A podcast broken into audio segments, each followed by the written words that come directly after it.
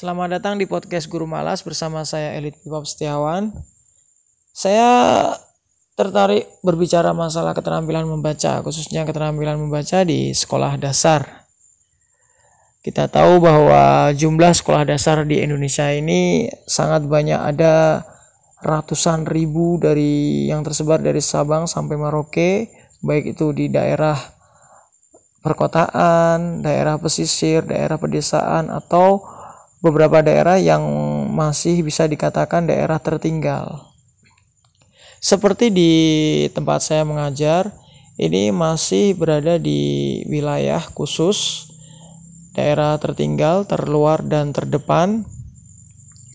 Siswanya tidak banyak, kurang dari 50. Namun gurunya pun juga tidak banyak, ada 3 sampai 4 guru uh, di mana rombongan belajarnya ada 6 kelas. Dan keterampilan membaca anak-anak di tempat saya mengajar itu masih bisa dikatakan memprihatinkan. Bagaimana tidak eh, anak-anak eh, yang seharusnya sudah lancar membaca karena dia sudah berada di kelas tinggi, kelas 4, kelas 5 dan kelas 6 namun pada kenyataannya masih ada beberapa siswa yang masih terbata-bata bahkan sama sekali belum bisa membaca. Hal ini tentunya akan memperlambat proses pembelajaran di sekolah. Karena terjadi jurang pemisah antara siswa yang sudah bisa membaca dengan siswa yang belum bisa membaca. Manakala uh, keduanya disatukan dalam satu kelas. Katakanlah saya punya siswa kelas uh, eh, 5 ada lima orang di mana tiga siswa sudah lancar membaca namun ada dua siswa yang belum lancar membaca. Hal ini sering kali uh, merepotkan saya ketika uh, melakukan kegiatan pembelajaran di sekolah. Padahal seharusnya kalau dua siswa ini berada pada track yang benar, uh, dia tidak akan kesulitan ketika dia sudah berada di kelas yang tinggi. Uh, karena keterampilan membaca itu uh, benar-benar dikenjot pada saat mereka berada di kelas rendah, kelas 1, 2 dan 3. Namun kenyataannya uh, sampai mereka di kelas 5 pun uh, belum bisa membaca sama sekali. Untuk itu mau tidak mau saya harus memutar otak bagaimana caranya agar dua siswa ini uh, minimal bisa mengimbangi tiga siswa yang sudah bisa membaca.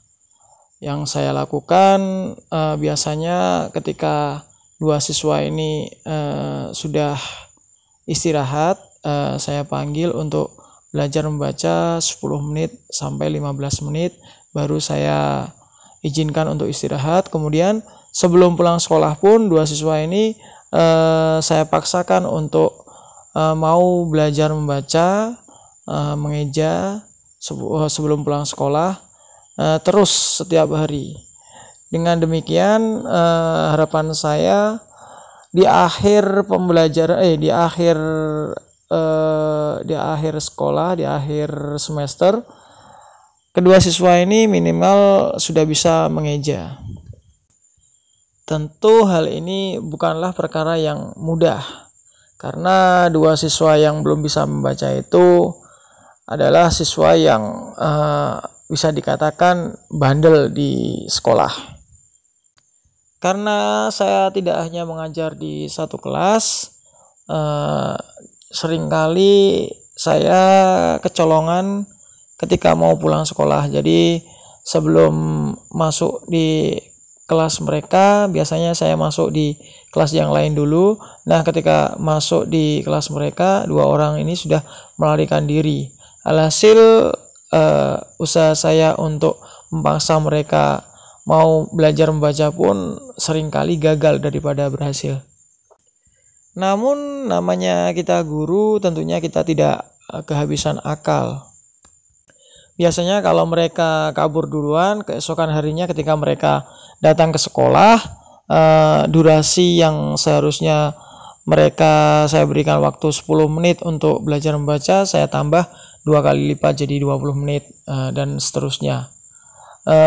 Seringkali mereka pun bosan, kemudian tak jarang mereka bahkan sesekali uh, menangis, merengek minta pulang ataupun minta istirahat. Uh.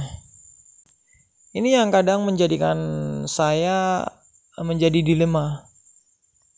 Di satu sisi saya ingin memaksa mereka agar mereka bisa uh, lebih lancar membaca, namun di sisi lain uh, mereka juga apa merasa terbebani dengan kegiatan yang atau usaha yang saya lakukan.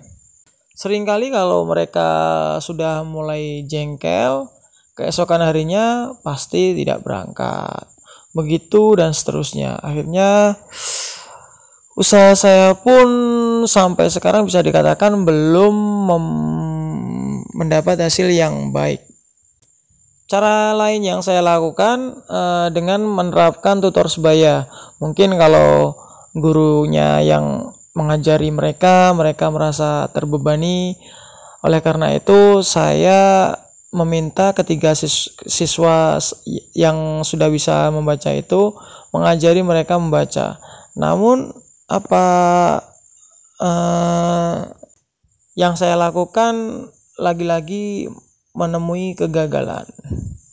Ketiga temannya tidak bisa mengajari mereka membaca karena begitu mereka ketika uh, siswa ini mulai mengajari dua siswa yang belum bisa membaca ini untuk mau membaca sudah dibentak dulu ataupun dipukul akhirnya ya gagal lagi usaha saya di lain waktu saya sempatkan untuk berjumpa sama uh, wali muridnya bapak ibunya saya tanya apakah kalau di rumah uh, paling tidak uh, pernah menemani kedua anak ini untuk belajar namun ternyata kedua ibu bapaknya pun juga kurang bisa membaca.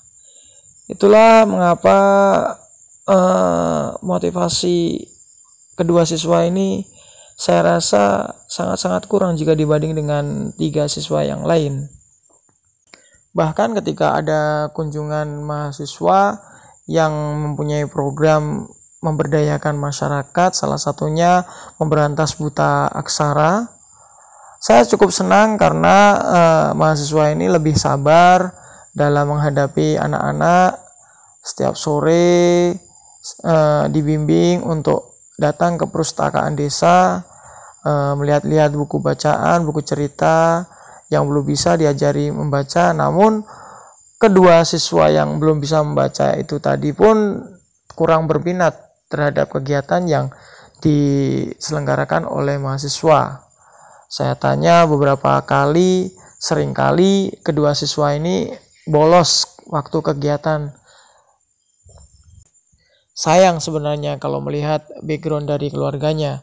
Seharusnya kalau kedua orang tuanya tidak bisa membaca, paling tidak uh, si anak uh, tergerak untuk mau belajar membaca uh, agar kebodohan itu tidak uh, turun temurun gitu. Jadi kesempatan kedua anak ini untuk memutus rantai kebodohan itu sangat-sangat terbuka. Namun motivasi yang ada di dalam uh, diri mereka sendiri saya rasa kurang. Itulah pengalaman saya tentang uh, kedua siswa yang belum bisa membaca di sekolah saya. Untuk kali ini saya mungkin belum menemukan cara yang tepat untuk bisa memotivasi kedua siswa tersebut. Namun saya tidak akan uh, apa tidak akan berserah. Saya akan terus berusaha sampai kapan pun semampu saya. Yang penting uh, saya harapkan kedua siswa ini pada akhirnya nanti bisa termotivasi untuk mau belajar membaca lebih dan uh, bisa berhasil nantinya. Oke, sekian dulu dari saya. Sampai jumpa lain waktu. Assalamualaikum.